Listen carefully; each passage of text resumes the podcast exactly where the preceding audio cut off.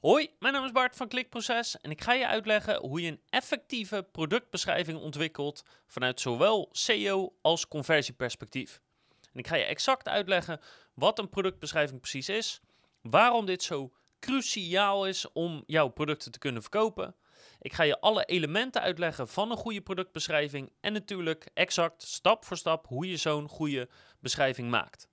Maar omdat producten zo erg kunnen verschillen en zoveel verschillende eigenschappen kunnen hebben, kan ik natuurlijk niet exact tot in detail vertellen hoe het voor jouw producten gaat. Maar ik geef je alle handvatten om het wel voor jouw product op te kunnen stellen. Welkom bij Klikproces met informatie voor betere rankings, meer bezoekers en een hogere omzet. Elke werkdag praktisch advies voor meer organische groei via SEO, CRO, YouTube en Voice. En dat gaan we heel praktisch doen door een productbeschrijving te ontwikkelen voor mijn laptoptas. Deze laptoptas heb ik zo'n beetje een jaar geleden gekocht, misschien wel twee jaar inmiddels. Dus ik weet er een hoop van ook in gebruik en dat uh, maakt het een stuk makkelijker. Dus we gaan voor deze laptoptas gaan we een productbeschrijving maken en we gaan ook vergelijken hoe dan de productbeschrijving bij bol.com, Coolblue en Travelbags eruit ziet. En het zal je misschien verbazen, maar als we het hebben over SEO en CRO voor productbeschrijvingen, dan gaan we 100% beginnen met de productbeschrijving zo conversiegericht mogelijk te maken. En SEO voegen we pas helemaal aan het eind toe, want dat is voor een product relatief makkelijk. Er zijn een paar hele specifieke dingen waar je op moet letten uh, en die ga ik je uitleggen. Maar het grootste gedeelte gaat dus over hoe maak je hem effectief, overtuigend en conversiegericht. Even beknopt bij het begin beginnen. Wat is een productbeschrijving? Een productbeschrijving is de tekst op een productpagina die uitleg geeft over het product, met als doel dat product te verkopen. Of, zoals je het ook zou kunnen formuleren, met als doel alle informatie te geven aan de bezoeker, zodat die een beslissing kan maken of die het gaat kopen of niet. En de productbeschrijving hebben we allemaal vast wel eens gelezen. Het bestaat uit, uit meerdere onderdelen, dus je hebt vaak uh, wat tekst bovenin. Uh, de producteigenschappen zijn er een onderdeel van. Reviews zijn er een onderdeel van. Je hebt vaak een lange productbeschrijving. Dat zijn allemaal onderdelen van de productbeschrijving in zijn totaliteit. En vergis je er niet in dat die productbeschrijving de basis vormt voor of een product verkocht wordt of niet. Niet de afbeeldingen, niet de video's, niet de tabel met eigenschappen. De productomschrijving is gewoon cruciaal om het product te kunnen verkopen. Dus vandaar ook dat het de moeite is om daar wat tijd in te steken. Nou, en voordat we gaan starten, laatste disclaimer nog even. Het kan natuurlijk per product, per productgroep, per webshop kunnen de volgende dingen natuurlijk verschillen. Dus ik, ik geef je een zo volledig mogelijke uitleg en hoe je ernaar moet kijken. En dan ga ik ervan uit dat je voor jezelf kan bepalen wat wel of niet nodig is. En als je vragen hebt, dan kan je die gewoon stellen aan mij, bart.klikproces.nl en dan help ik je graag. Nou, het belangrijkste om in gedachten te hebben is, is het basisprincipe van een goede conversiegerichte productbeschrijving. En dat is, hij moet volledig zijn. Dus alle vragen die mensen kunnen hebben, even simpel gezegd, moeten beantwoord worden op deze pagina. Dus hij moet, uh, dus hij moet volledig zijn. Daarnaast moet hij duidelijk zijn. Want als je het antwoord er technisch gezien wel hebt staan, maar mensen snappen het niet, ja, dan had het net zo goed niet kunnen staan. Dus hij moet volledig zijn en hij moet duidelijk zijn.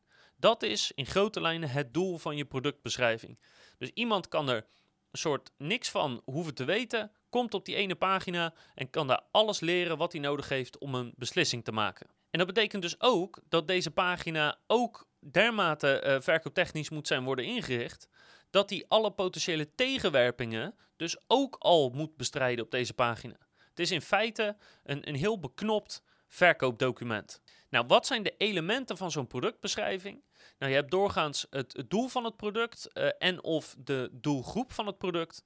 Uh, je hebt een, een, korte beschrijving, vaak bovenaan. Je hebt een lange beschrijving, vaak onderaan.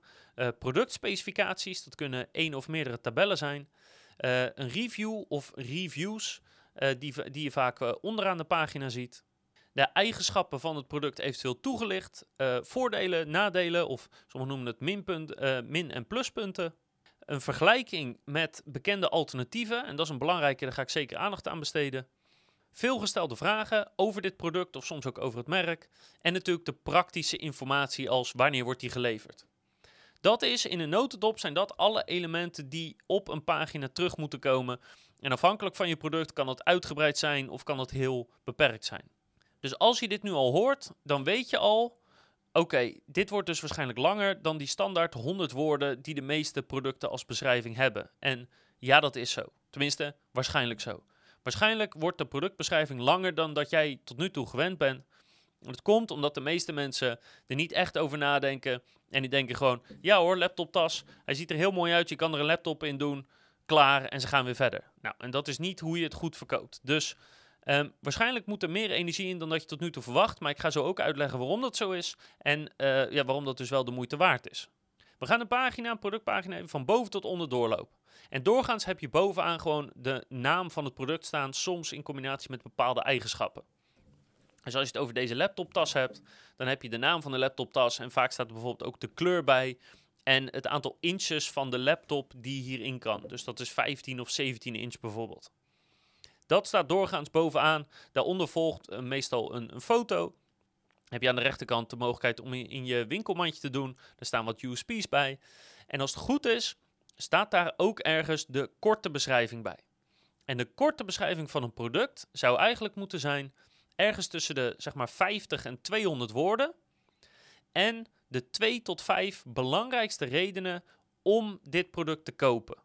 Dat is over het algemeen een hele effectieve, korte productomschrijving die je, ja, zal maar zeggen, rechtsboven wilt hebben, vlakbij het add to, uh, eerste add to cart uh, knop, uh, in winkelmandje knop.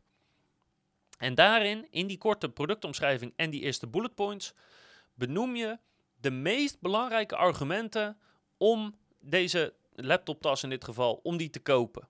Dus je hoeft daar niet alles te noemen. Je pakt daar de paar meest belangrijke dingen uit. En dat kunnen eigenschappen zijn, dat kunnen voordelen zijn, dat kan praktische info zijn. Dat scheelt gewoon heel erg per product.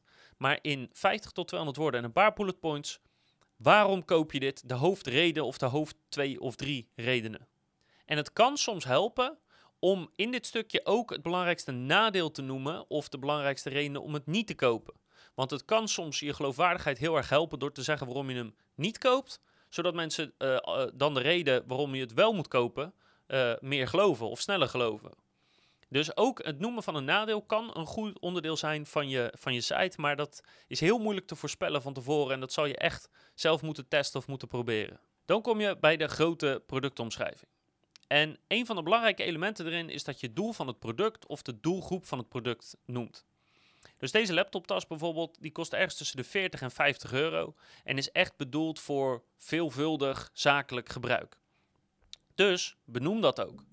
Uh, en dan hoef je niet te zeggen dat die alleen maar geschikt is voor zakelijk gebruik of dat die alleen maar uh, voor dure computers bedoeld is. Zeker niet. Maar je kan bijvoorbeeld wel zeggen dat die veel gebruikt wordt voor mensen die veel onderweg zijn, die aan het einde van de dag de laptop mee naar huis willen nemen. Dus dat die voor intensief gebruik, hè, vrijwel dagelijks gebruik, bedoeld is. Daarnaast moet je natuurlijk de voordelen van een product gaan noemen. En even los van wat de voordelen hier specifiek van zijn. Um, wil je dat eigenlijk opdelen in je belangrijkste voordelen? Die wil je als eerst noemen. En dat zijn er meestal ergens tussen de zeg maar 2 en de 5. En daarna wil je een lijstje op, opschrijven met alle voordelen. Want sommige voordelen kunnen ook maar voor, ja, niet voor iedereen belangrijk zijn. Dus deel die eigenlijk op in je belangrijkste voordelen. Die staan vaak ook al bovenaan in je korte productomschrijving. En daarna eigenlijk alle voordelen. Wat je ook in je grote productomschrijving kan opnemen, dat zijn daadwerkelijk reviews die geplaatst zijn of quotes uit reviews die geplaatst zijn. Dus stel dat je in je lange productomschrijving bijvoorbeeld wil benoemen dat hier een extra vakje in zit waar je waar je, je tablet in kan doen. Hè, dat is een van de unieke dingen van deze laptoptas. Kan je bijvoorbeeld een quote uit een review halen die zegt: uh, Ja, ik vond het zo praktisch dat ik mijn tablet hier ook kwijt in kan. Uh, en ondertussen door de door, door dit, dit is best wel dik, eh, is hij nog goed beschermd ook. Dus heel vaak staan de reviews altijd zeg maar, apart op de pagina, want dan is het geautomatiseerd. Maar voel je vrij om zo'n quote te halen uit een bepaalde review en die te gebruiken in de productomschrijving. Natuurlijk moet je uh, bij een grote productomschrijving, ja, je moet gewoon het hele product gaan beschrijven. Maar denk daarbij ook heel erg aan de praktische informatie. Dus niet alleen, uh, hij is natuurlijk zwart en hij is geschikt bijvoorbeeld voor uh, 17 inch uh, laptops. Hè, dat is bijvoorbeeld praktische info. Maar denk bijvoorbeeld ook, er zit hier vooraan zit een vak waar je allerlei spullen in kwijt kan. Nou, ga dan niet zeggen, um, ja, er zit voor in een vak en daar kan je best wel wat spullen kwijt. Nee, probeer dat zo specifiek of zo concreet, zo praktisch mogelijk te noemen. Dus bijvoorbeeld, er zit hier een band in die speciaal bedoeld is om een paar pennen in kwijt te kunnen. Er zit hier een apart vak in waar je een, kla een klapblok in kwijt kan. Ehm, dit ding is breed genoeg dat je hier makkelijk een groot klapblok of A4-vellen in kwijt kan. Zelfs A4-vellen die in een map zitten, kan je hierin kwijt. Dus probeer de info rondom het hele product, probeer die zo praktisch mogelijk te maken. Waarbij je niet denkt in ehm, iets wat fabrikanten bijvoorbeeld zeggen van hoeveel, uh, hoeveel liter past er in een tas. Dat is vaak hoe fabrikanten het formaat van een tas uitdrukken. Maar probeer een omschrijving te geven van wat stop je er dan in of wat past er doorgaans in. Eventueel ondersteund met foto's is dat helemaal perfect. Benoem ook, als dat relevant is, uh, veel situaties waarin het gebruikt wordt. Dus situaties waarin jouw product een goede uitkomst biedt of waarin mensen het veel, uh, veel uh, gebruiken of voorkomen. Dus wat je hier bijvoorbeeld van kan zeggen is, um, deze tas wordt gewoon heel veel gebruikt door mensen die elke dag minstens één keer, maar soms meerdere keren met hun laptop moeten slepen. En je weet zelf hoe het werkt. Je gooit hem even uh, in, in de auto. Je gooit hem ergens bij een klant neer. Dus er komen best wel veel kleine schokbewegingen, kleine stootjes. Je, je laat hem even op de tafel ploffen. Je legt hem even op de autobank en dan moet je opeens remmen en dan verschuift hij. Zulke situaties komen veel voor, maar door de extra bescherming is dat allemaal geen probleem. Dus dan heb je duidelijk situaties geschetst die de doelgroep als het goed is veel tegenkomt. En heb je uitgelegd waarom die goed geschikt is voor die specifieke situaties. En vergeet alsjeblieft niet om alles te benoemen. Nou ja, natuurlijk niet over, uh, alleen over het product zelf, want natuurlijk moet je dat uitleggen. Maar ook wat er eventueel uh, nog in de doos zit of bijgeleverd wordt. Vergeet dat alsjeblieft niet. Uh, want heel veel hebben dan een kleine extra, of er zit bijvoorbeeld een muismat bij die hierbij geleverd wordt of zo. Vergeet niet te benoemen wat er nog extra bij het product wordt geleverd tegen geen kosten. Schroom niet om in die grote productbeschrijving de punten aan te stippen waarvan jij weet, ja ik kan het ook wel niet benoemen, maar dit is toch wat klanten zich afvragen. Of dit is toch waar ze mee zitten. Bijvoorbeeld, deze tas kost dan nou, iets van 40, 50 euro. Is er niet een goedkoper alternatief? Weet je, 40, 50 euro een laptoptas, dat kan je als best wel veel geld zien. Als je denkt dat dat zo is, dan is het waarschijnlijk slim om dat gewoon te benoemen. Door gewoon te zeggen van, maar is die niet wat prijzig voor een laptoptas? En dan kan je zeggen, ja, 40, 50 euro uh, is ook best wel geld, dus ik snap dat je dat denkt. Maar als je gaat zakken in de prijs, dan ga je altijd zien dat een laptoptas bijvoorbeeld slechtere kwaliteit rits heeft. Waardoor je na een jaar die ritsen al niet bruikbaar zijn of dat ze continu vastlopen waar je natuurlijk knettergek van wordt. Of dat die bijvoorbeeld, uh, deze heeft hendels en hier zit uh, een of ander mooi uh, ja, kunststof laagje overheen. Dus dit houdt makkelijk vast. Um, en als je zakt in prijs, hebben ze dat bijvoorbeeld niet. Nou, als je laptop dan een beetje zwaar is, dan loop je met zo'n laptoptas die snijdt in je handen. Als je dan net vanuit het OV naar school moet of naar je werk moet en je loopt 10 minuten, nou dan uh, zijn je handen helemaal klaar tegen de tijd dat je aankomt. Dus op die manier kan je zeg maar tegenwerpingen, kan je ondervangen, kan je benoemen en dan kan je uitleggen van waarom dat eigenlijk niet echt een goede tegenwerping is. En onthoud ook bij de productomschrijving, dat is nog een laatste belangrijke. Mensen zijn gewend om heel erg vanuit de eigenschappen te praten. Bijvoorbeeld, hè, hij is zwart. Hè, dat is een eigenschap. Of er zit uh, de X63 Turbo Rits zit erop. Maar probeer je voordelen en je eigenschappen te combineren. En ik heb een aparte video gemaakt van uh, het verschil tussen eigenschappen en voordelen en wanneer je de een en de ander uh, inzet en hoe je een eigenschap omtovert tot een voordeel. Dus daar zou ik niet over uitweiden nu. Maar let er wel op dat je voordelen en eigenschappen op de goede manier moet afwisselen. Omdat verschillende mensen, sommigen hebben de voordelen nodig en sommigen hebben de eigenschappen nodig om een beslissing te kunnen maken. Dus die twee moet je allebei benoemen in die productomschrijving. Nou, dan gaan we door naar de productspecificaties. Dus de, eigenlijk de tabel met de eigenschappen van het product. Alles netjes en overzichtelijk. Maar meestal is het slim om twee producttabellen te hebben als dat kan. Dan doe je bovenaan namelijk de vijf of tien eigenschappen die de meeste mensen het meest belangrijk vinden. Of die de meeste mensen gebruiken om te vergelijken met andere producten. En daarna heb je een tabel met alle eigenschappen erin. Met ook die, eh, die, die 20% die sommige mensen dan nog nodig hebben. Zodat de, de, 80% van de mensen kan de kleine tabel gebruiken om hun beslissing te maken. En de rest kan dan die andere tabel gebruiken waar echt alles in staat. Dus twee uh, tabellen met productspecificaties hebben, is doorgaans slim en maakt het conversiegerichter, omdat de informatie die mensen zoeken gewoon veel makkelijker te vinden is. En als laatste punt zou ik zeggen dat, um, logisch, maar ik benoem het toch even, de manier waarop je je productomschrijving maakt, moet natuurlijk wel in lijn liggen met de rest van je site of je shop. En dat kan betekenen dat je er wat humor in verwerkt. Of dat kan betekenen dat je het juist heel zakelijk houdt. Dat kan betekenen dat je met u of met je praat. Dus zorg er vooral voor dat je dat gewoon in stijl houdt met de rest van je website en shop. En als het enigszins kan, probeer dan wel op de emoties van mensen te spelen. Dus bijvoorbeeld over die, die ritsen. Laten we even zeggen dat dat een veel voorkomend irritant probleem is. Dat dit zijn hele goede ritsen, maar het komt heel vaak voor dat je hè, van die irritante ritsen hebt die dan op een gegeven moment vast gaan lopen. En dat is dan frustrerend. En zeker als je dan net te verhaast hebt of de trein moet halen en dan wil die verdomde rits wil niet dicht. Dat kan heel frustrerend zijn. Nou, als nou een van de voordelen of, of goede eigenschappen van zo'n tas is, dat er zulke goede ritsen in zitten, dan kan je dus inspelen op die frustratie door dat even goed te benoemen. Je kan bijvoorbeeld zeggen, ritsen die uh, gegarandeerd nooit vastlopen, ik zeg maar wat, of, of super kwaliteit ritsen, of hoe je dat dan ook precies verwoordt. Um, en dan kan je dan tegenover zeggen van, je zal nooit het probleem hebben dat je uh, ochtends haast hebt, je moet de trein halen, je gooit al je spullen erin en die rits die loopt vast en je loopt maar te kloten en je loopt maar te kloten en uiteindelijk ren je met een soort laptoptas die nog half open staat, dat, uh, met alle risico's van dien. Uh, ren je naar de trein toe en dan zal je altijd zien dat halverwege de trein precies nog iets uit je, uit je tas valt. En als je het slecht treft, is het je laptop zelf. Door in te spelen op de emoties van de klant. En, en ik weet niet of dit een goed voorbeeld is, want ik weet, ik weet uh, niet genoeg van de doelgroep. Maar als je wel weet waar je klant mee zit, of waar die gefrustreerd over is, of waar die problemen mee heeft, probeer er dan op in te spelen. En dat kan soms al door net een klein emotioneel beladen woordje toe te voegen, net een zinnetje uh, uh, te beschrijven van, nou, deze frustratie heb je dus nooit meer, of dit probleem heb je nooit meer. En dat kan de conversie al flink verhogen.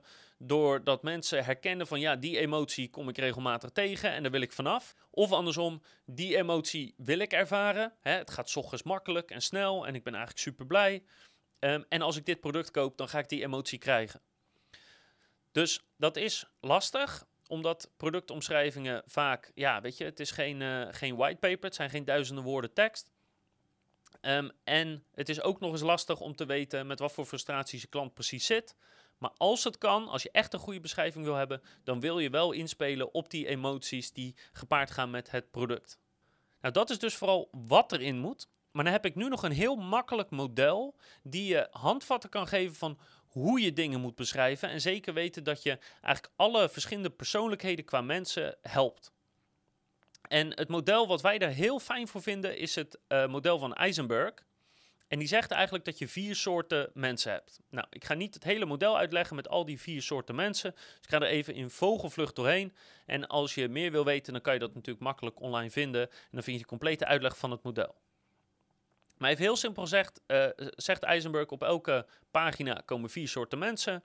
Uh, competitief, spontaan, humanistisch en methodisch.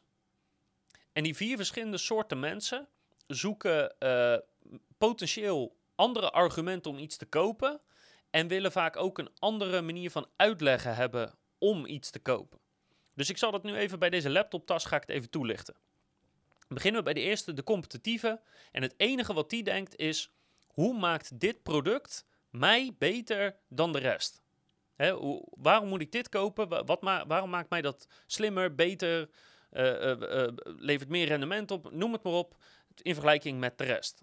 En dat is doorgaans ook wat je dus in je korte productbeschrijving kwijt moet. Hè? Die, die 50 tot 200 woorden met die paar punten. Dus in het geval van deze laptoptas zou dat bijvoorbeeld zijn... Um, hij is relatief klein, maar er kan toch veel in. Het is van super kwaliteit met ritsen die nooit vastlopen. Hij is heel sterk, zal nooit kapot gaan. En hij ziet er ook nog eens heel goed uit. Dus op welke afspraak je ook komt, iedereen ziet jouw tas en denkt zo, dat is best een mooi dingetje. Ik zeg maar even wat. Dus dat geeft je alle argumenten waarom jij eigenlijk slim bent als je deze tas koopt. Nou, dan gaan we naar de spontane. En die is meer bezorgd over um, hoe zorgt dit ervoor dat ik uniek ben, dat ik origineel ben, dat ik eigenlijk opval tussen de rest. En het liefst ook nog een beetje al die dingen, maar dan wel met een beetje tempo. Hè? Ik, ik hou niet van wachten, ik ben ongeduldig. Dus dan ga je het bijvoorbeeld meer hebben over dat hij er mooi uitziet, dat hij design is. Dat je hier heel makkelijk heel veel spullen in kan gooien. Je doet de rits dicht die nooit vastloopt en je kan weg. Dus je loopt nooit te prutsen, je verliest nooit tijd. Dus je weet zeker als je met deze tas aankomt zetten, dat iedereen stiekem even naar die tas zit te kijken en denkt zo, dat ding zal wel een paar honderd euro hebben gekost. Zo goed ziet hij eruit. Alleen jij en ik weten allebei dat hij maar vier of vijf tientjes kost. Zo'n soort omschrijving wil de spontane hebben. Dus ook die snelle beslisser. Dus je zal die informatie snel moeten geven. Vaak dus ook in de korte productomschrijving. Maar dan gaat het er dus vooral om hoe is het origineel, hoe, hoe is het uniek, hoe is het anders dan de rest en hoe is het uh, snel. Dus dan heb je al twee persoonlijkheden getackled. En dit zijn dus de persoonlijkheden die je doorgaans bovenaan in je pagina moet bedienen, want die zijn allebei zeer ongeduldig. Dan gaan we door naar die humanistische. En dan krijg je eigenlijk een hele andere benadering. Want ja, natuurlijk is, is prijs belangrijk en natuurlijk moeten bepaalde functionele uh, dingen wel kloppen. Maar de humanistische is eigenlijk altijd bezig met relaties.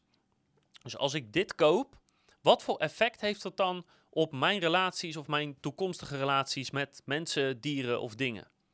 Dus wat daar bijvoorbeeld bij kan helpen is door te omschrijven dat je goede doelen steunt. Hè, bijvoorbeeld uh, een, een, een asiel voor hondjes bijvoorbeeld. Maar het kan ook uitleggen hoe dit de relaties eh, verbetert met de mensen uh, die je tegen gaat komen. Dus als je dit koopt voor een zakelijk doeleind, dan kom je binnen met een tas waarvan de meeste mensen meteen zien van zo, dat is een goede, degelijke tas. Um, als die persoon uh, met zijn klanten ook zo omgaat, als, zo goed als dat ze spullen zijn, ja, dan zitten we hier wel goed. Dus je maakt eigenlijk meteen een goede eerste indruk als je aankomt zetten met zo'n tas. En daarnaast ziet hij er gewoon schitterend uit. Weet je, het is gewoon een prachtige tas. Hij is goed gemaakt. Dus je slaat hier nooit de plank mee mis. En dit helpt je gewoon om een goede eerste indruk te maken. Iets in die strekking wil een humanistische graag horen. En ik, ik moest er pas uh, om lachen. Uh, als je deze vier uh, persoonlijkheden pakt, dan ben ik vooral competitief en methodisch.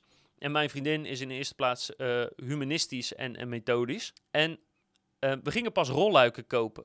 Dus het eerste wat ik bedenk bij die rolluiken is: oké, hè, uh, feitelijk. Hoe groot moet die zijn? Uh, welke keuzes hebben we? Uh, we moeten hem elektrisch hebben. Wat voor verschillende opties heb je erin? Ik zit meteen feitelijk te denken van oké, we gaan eerst zorgen dat we functioneel gezien onze keuzes hebben bepaald. En dan als laatste gaan we kijken naar hoe ziet hij eruit? Um, wat is het verschil in prijs, et cetera. Mijn vriendin daarentegen, we kwamen binnen. Het eerste wat ze vroeg is oké, welke keuze hebben we?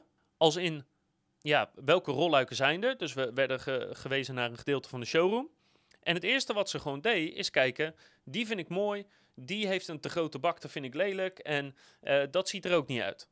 Dus zonder enig idee te hebben van wat eigenlijk zou kunnen of, of zou passen of wat niet, ging ze gewoon eerst een selectie maken op wat is mooi. Wat wil ik aan mijn huis hebben hangen, zodat ik me niet kapot hoef te schamen, zeg maar.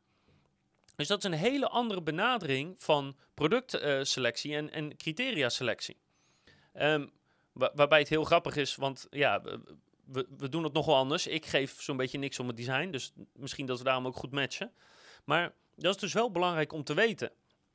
Dat het design van deze tas, gewoon hoe die eruit ziet, kan gewoon voor sommige mensen al een volledig verkooppunt zijn Ongeacht hoeveel vakken die nou precies heeft en dat je je tablet er wel of niet in kan. Of, of überhaupt zonder dat ze hebben gekeken of die laptop wel past.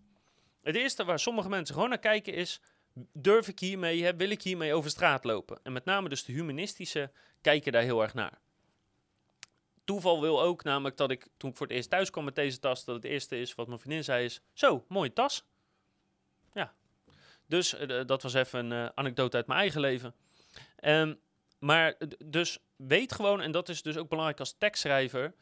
Jij valt in een van die vier categorieën, maar dat betekent dat dus niet iedereen beslist zoals jij beslist. Dus hou daar gewoon rekening mee. Goed, kleine zijstap. We gaan even door naar de, naar de laatste, de methodische. En de methodische kiest, uh, beslist sowieso langzaam. Die is bereid om alles door te lezen als je het maar gewoon uh, duidelijk uitlegt. En die kiest vooral op basis van eigenschappen. Dus die is vooral aan het vergelijken. Die is vooral naar de eigenschappen aan het kijken, want dat zijn feiten. En methodische houden doorgaans van feiten. En daarom moet je dus gaan uitleggen dat er uh, geen tas is voor dezelfde prijs, voor hetzelfde formaat, in dezelfde kleur, van dezelfde kwaliteit. Dat is eigenlijk wat je duidelijk moet maken. En dat slaat een beetje terug op de vraag die al eerder voorbij kwam: van heb je, hè, zijn er geen goedkopere alternatieven? Ja, maar dan zijn de ritsen slechter. Of ja, maar dan heb je dat vakje niet. Of ja, dan zijn die hendels vervelend. Dus door gewoon uit te leggen dat uh, eigenlijk een soort de feitelijke uitleg waarom deze tas voor deze prijs eigenlijk de enige in zijn soort is, kan je een methodische overtuigen. Maar hou het vooral feitelijk. En die zal dus ook een groot deel van zijn tijd spenderen in de eigenschappen van het product. Dan komen we daar, daaronder, eigenlijk onder de producteigenschappen. En dit zie ik niet zoveel, maar dit zou ik toch wel aanbevelen om daar gewoon veel gestelde vragen over het product uh, bij, bij te schrijven. Dus ik wil nu een heleboel vragen met je doornemen. En die kan je dus onderaan bij de veelgestelde vragen plaatsen. Kan je ook weer gebruiken om zoekmachine technische FAQ-snippen te krijgen. Um, het kan een makkelijke manier zijn om voor mensen omheen te navigeren dat ze de hoofdpunten weer even zien.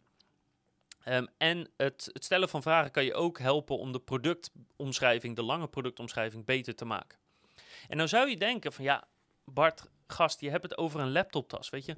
Wat valt daar nou over te weten of te vragen? Ik bedoel, je laptop moet er toch in kunnen en, uh, en dat is het. Um, nou, eigenlijk best wel heel veel. En niet elke vraag is voor iedereen even belangrijk, maar als je erover na gaat denken, zijn er heel veel vragen of dingen die je moet benoemen. Dus één daarvan is bijvoorbeeld, je ziet hier een lus zitten, uh, zit er een, zo'n schouderband? Hè, zit die erbij of niet?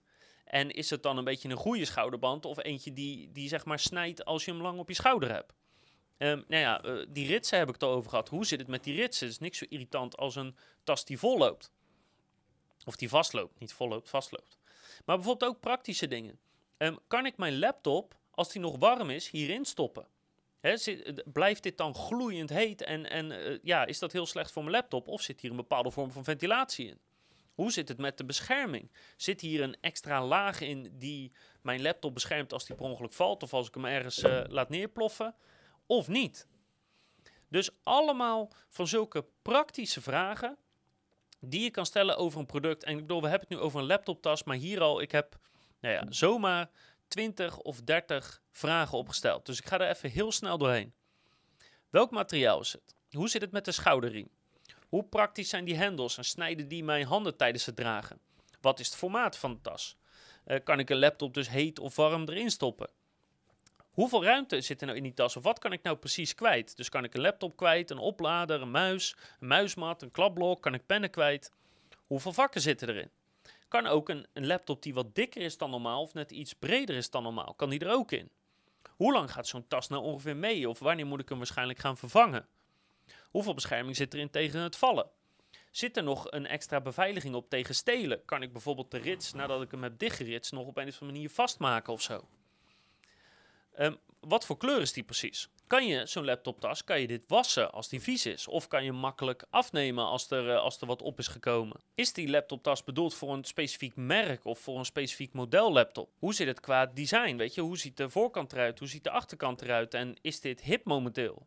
Wat zeggen andere mensen hierover? Wat kan ik halen uit reviews of quotes? Of wat is de ervaring van andere mensen die hem een paar maanden of een jaar in gebruik hebben? Dus dat zijn gewoon even in de vluchtigheid allemaal soorten vragen die mensen kunnen hebben. En afhankelijk van hoe belangrijk die vragen zijn, moet je die natuurlijk hoger in je productomschrijvingen gaan zetten en meer uh, ja, significantie geven, dus meer laten opvallen. En op het moment dat ze minder belangrijk zijn of dat ooit een keer iemand het gevraagd heeft, moet je hem natuurlijk meer naar onder plaatsen. Dus dat is nog even een toevoeging op zeg maar, de inhoud. Nou, nou kan het zijn dat dit natuurlijk een lang verhaal wordt. En, en je kan het ook zien bij, bij Bol.com, Coolblue en ook bij Travelbacks. Ja, dat neemt best wel wat ruimte in beslag. Dus zorg ervoor dat als je kopteksten gebruikt, dat die goed scanbaar zijn. Je wil je niet leuk zijn of origineel zijn. Ga er ook niet vanuit dat iemand een pagina van boven tot onder leest. Nee, ze gaan gewoon, ze willen zo snel mogelijk naar wat voor hun belangrijk is. Dus als je veel kopteksten gebruikt, ook gewoon in de productomschrijving, met name in de lange, en je zorgt dat die beschrijvend zijn, zodat iemand ze kan, kan uh, scannen en kan beslissen: wil ik dit lezen of niet. Dat is het fijnste voor mensen om te kopen. Dus niet uh, een, een koptekst gebruiken als, weet je, uh, en toen, en wat er hier gebeurde, en dit is wat de meeste mensen het, het, het beste vinden of zo. Maar probeer het echt beschrijvend te houden. Dus producteigenschappen, belangrijkste voordelen, uh, wat 10.000 reviews zeggen over het product. Ja, zorg ervoor dat het gewoon goed en makkelijk te scannen is. En het, ik, vind, ik vind het lastig om voorbeelden te geven, want het hangt natuurlijk zo erg van je product af van wat je wel of niet gaat noemen. Maar um, probeer alle kopteksten gewoon goed scanbaar te maken. Dat iemand zo snel mogelijk erheen kan navigeren en dat stuk kan lezen wat belangrijk is. En dat is eigenlijk qua conversieperspectief, uh, qua, echt qua tekst, qua beschrijving. En dan hebben we nog een stukje SEO. En dat stukje SEO is niet heel spannend, maar er zit wel één heel belangrijk ding in. Dus je wil dat jouw product wordt gevonden op die specifieke productnaam. Dus dat is meestal is dat gewoon uh, de merknaam plus de naam van het product. En soms voeg je daar nog, nog extra eigenschappen aan toe, bijvoorbeeld het model, of het kleur, of het type, of het formaat. Dat hangt heel erg van je product af. Maar zo specifiek wil je gevonden worden. Zeker als je bijvoorbeeld deze hebt en deze is dan zwart. Maar stel dat je hier ook nog een witte uitvoering van hebt, dan, dan speelt bijvoorbeeld kleur daar een belangrijke rol in. Dus de complete naam van je product wil je sowieso in je SEO-titel en in je H1 hebben staan, want dat is het allerbelangrijkste waar je op gevonden wil worden. Nou, je H2-kopteksten, dat zijn doorgaans gewoon de elementen. Dus productspecificaties, uh, formaat, korte beschrijving, lange beschrijving. Daar zou je, je je zoekwoord in kunnen zetten. Dus je zou dan korte productomschrijving, laptoptas, uh, case logic, uh, nog wat, nog wat. Dat zou je ervan kunnen maken, maar dat ziet vaak op zo'n pagina ziet dat er heel raar, heel vreemd uit. Dus dat zou ik niet aanraden. Want meestal kan je namelijk, als je hem in je H1 hebt, en dan heb je hem in de korte beschrijving bijvoorbeeld een keer en in de lange beschrijving één of twee keer. Doorgaans is dat genoeg, want je hebt ook nog reviews, je hebt ook nog uh, je afbeeldingen die een belangrijke rol spelen. Dus doorgaans is dat meer dan genoeg om duidelijk te maken dat je uh, pagina daarover gaat. Let dus wel op als je meerdere varianten hebt van je product, uh, aantal gigabyte of bijvoorbeeld de kleur wat ik net zei, dat je dat natuurlijk wel even heel duidelijk benoemt. En uh, dat, daarvan zou je kunnen overwegen om het in een H2 op te nemen. Dus als je weet dat je eigenlijk drie vergelijkbare producten hebt die allemaal laten indexeren en allemaal gevonden moeten worden op hun specifieke kleur, bijvoorbeeld omdat er veel op gezocht wordt, dan zou je kunnen overwegen om die kleurnaam, of die kleurnaam in, uh, in combinatie met, met een kleine productnaam, om dat in een H2 te zetten. Om dat nog even duidelijk te maken van, hey, deze pagina gaat over die kleur. Maar meestal de productnaam plus relevante eigenschappen in de H1, in de namen van de afbeeldingen en één of twee keer in de korte en lange beschrijving, is genoeg om aan Google duidelijk te maken dat is waar je pagina over gaat. Wat je absoluut niet moet doen, en dit is een heel veel voorkomende fout, is denken: hey, ik heb gezocht naar de zoekvolumes van deze specifieke tas. Daar zoeken eigenlijk niet zoveel mensen op, maar er zoeken wel veel mensen op Case Logic laptop tas. Dus wat ga ik doen? Ik ga die productpagina inrichten op het zoekwoord Case Logic laptop tas. Dus de merknaam plus het soort product. En dat is het perfecte recept om op een mega manier zoekwoordcannibalisatie te introduceren in je website of shop. Dus nooit proberen een product in te richten op wat eigenlijk een categorie is. Want als iemand zoekt op Case Logic, dus dat is het merk Case Logic laptoptas, dan moet daar een overzicht komen van de verschillende tassen. Of er moet een lijstje komen met de 10 beste Case Logic uh, laptoptassen. Of hoe dan ook, er moet een overzicht komen van verschillende keuzes. De kans dat iemand daarop googelt en dan specifiek bij deze tas uit wil komen, is heel klein. En normaal gesproken heeft een merk natuurlijk veel meer producten die allemaal om verschillende redenen goed kunnen zijn. En als je bij elk product gaat proberen om op het overkoepelende zoekwoord te scoren, dus op de naam van het merk of merk plus, plus soort, hè, dus merk plus uh, laptoptas in dit geval, of dat je uh, de kleur bijvoorbeeld niet goed noemt in de productomschrijving, zodat Google niet weet dat dit te zwart is en dat je hier nog een witte hebt dan gaan die allemaal met elkaar concurreren voor die overkoepelende termen, met als gevolg dat waarschijnlijk niks scoort. En dit is de reden waarom zoveel webshops last hebben van zoveel zoekwoordcannibalisatie. Doordat ze denken, nee, dit zoekvolume is niet genoeg, dus we gaan al die pagina's inrichten op al die grote termen en dan scoort er vanzelf wel wat. Nou, niet dus. Dus nooit je productpagina inrichten op overkoepelende zoekwoorden. En dus ook niet longtailwoorden gaan toevoegen, hè, zoals uh, beste, uh, goedkoopste, uh, snelste. je wil alleen maar de zoekwoorden gebruiken die dus relevant zijn. Dus als iemand zoekt op laptop, tas, Cage Logic zwart, dan wil je waarschijnlijk nog steeds niet dat deze naar voren komt. Want waarschijnlijk heb je een categoriepagina met Case Logic laptoptassen die allemaal zwart zijn. Denk ik, verwacht ik. Want het is niet de enige zwarte Case Logic laptoptas. Als iemand nou zoekt op Case Logic laptoptas, ik weet, ik, ik weet niet wat voor model het is, maar Bart's model zwart. Dus dat je echt 100% zeker weet dat ze dit product bedoelen, dan is dat het goede zoekwoord om je pagina op in te richten. En als laatste, en dan wil ik dus even de voorbeelden van bol.com, Coolblue en uh, Travelbags er ook bij halen. Um, die, die laat ik sowieso even voorbij komen, zodat je daar wat inspiratie aan uh, kan doen. Maar ik wil toch even benoemen, probeer alsjeblieft zoveel mogelijk jargon of onduidelijke taal te vermijden. En ik zie dat al deze drie, de, de omschrijvingen, zich daar eigenlijk een beetje schuldig aan maken. Dus zowel bol.com als Coolblue als Travelbags uh, heeft het op zijn pagina staan. Dus een paar woorden die ik bijvoorbeeld tegenkwam, dat ik dacht, waar, waar heb je het over? Ik heb gewoon geen idee wat je hiermee bedoelt. Dus bijvoorbeeld, smart sleeve. Een smart sleeve, dat heeft iets met, met, die, met die schouderriem te maken. Geen idee wat een smart sleeve is. Afneembare schouderriem. Ja, maar bedoel je dan dat ik hem hier kan loskoppelen? Of bedoel je dat ik hem kan afnemen of dat ik hem kan wassen, zeg maar? Afneembaar is een dubbelzinnig woord. Ze hebben het bijvoorbeeld ook over compartimenten. En ik snap dat dit een compartiment is, maar misschien dat het woord hè, vak is, is denk duidelijker en korter en simpeler. Het woord sleutelclip zag ik voorbij komen. Geen idee wat het is. Ik weet het nog steeds niet. Ook benoemen ze dat het gewatteerd is. En ik denk dat gewatteerd betekent dat hier watten in zitten of zo. Of dat er een bepaalde vulling in zit, zodat waarschijnlijk als bescherming. Maar ik heb gewoon geen idee wat gewatteerd betekent. En als dat een eigenschap is, weet ik nog steeds niet van... Heb je daar dan verschillende niveaus in? Heb je dan gewatteerd niveau 1, wat dan een beetje bescherming geeft? En heb je niveau 10, wat dan heel veel bescherming geeft? Ja, geen idee wat dat betekent. En ik zag voorbij komen bijvoorbeeld uh, praktische handvatten. Dus ja, dit zijn hele praktische handvatten. Maar heb je dan ook onpraktische handvatten?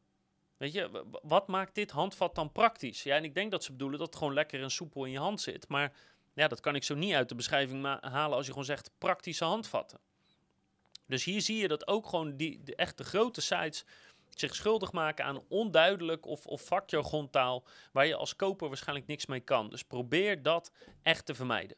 En dat is het eigenlijk. Een hele lange zit, dat weet ik. En dat voor een stomme productomschrijving zou je zeggen. Maar je ziet dat er echt zoveel in zit om dat goed te krijgen. Dus ik hoop dat dit je helpt om even goed na te denken van wat wil ik nou allemaal noemen? In wat voor volgorde wil ik het doen? Heb ik wel die vier verschillende persoonlijkheden aangesproken? Heb ik de argumenten op de verschillende manieren toegelicht, zodat iedereen zich erin kan herkennen? Ik hoop dat dit je helpt om productomschrijvingen te maken die en beter scoren in Google, zorgen voor geen zoekwoordcannibalisatie en natuurlijk veel meer omzet opleveren, hè? veel meer uh, conversies opleveren. Als je nog vragen hebt, kan je natuurlijk altijd mailen naar bart.klikproces.nl of een reactie achterlaten. En ik hoop dat je de volgende keer weer kijkt, luistert of leest. Dan heb ik nog veel meer advies op het gebied van SEO, conversieoptimalisatie, YouTube en voice.